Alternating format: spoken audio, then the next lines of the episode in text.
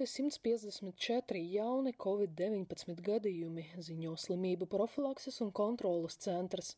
No tiem 17 inficētie bija vakcinēti. Saņemta informācija par divām nāvēm. Abi mirušie bija vecāki par 70 gadiem. Divu nedēļu kumulatīvais rādītājs ir 68 gadījumi uz 100 tūkstošiem iedzīvotāju.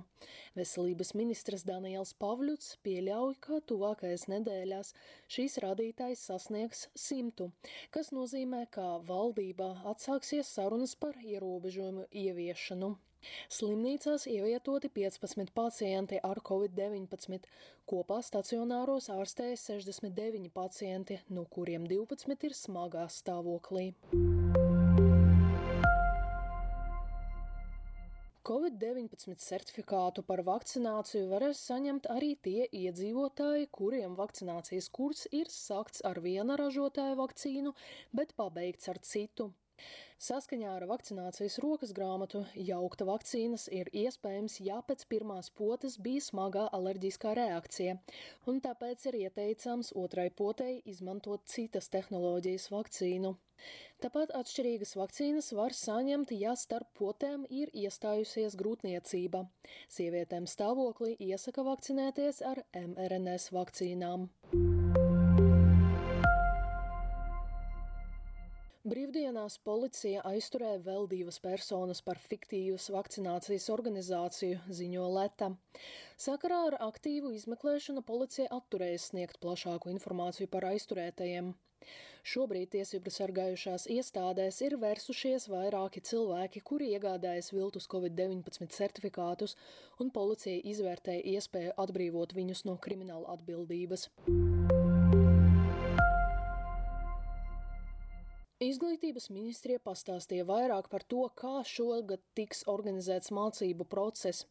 Jaunajā mācību gadā uzsvars būs uz klātienes mācībām.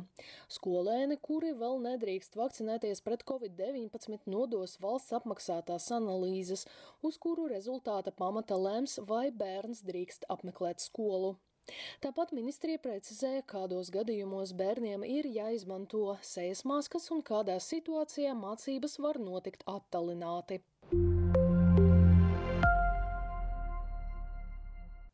Valdība atviegloja pasākumu apmeklēšanu ar bērniem.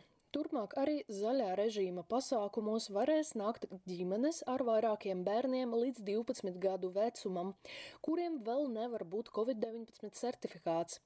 Viņiem organizatori var izveidot atsevišķas zonas jeb kabatas. Jāatzīmē, ka šādos pasākumos koplietošanas telpās visiem pasākumu apmeklētājiem būs jālieto sejas maskas un jāievēro distance.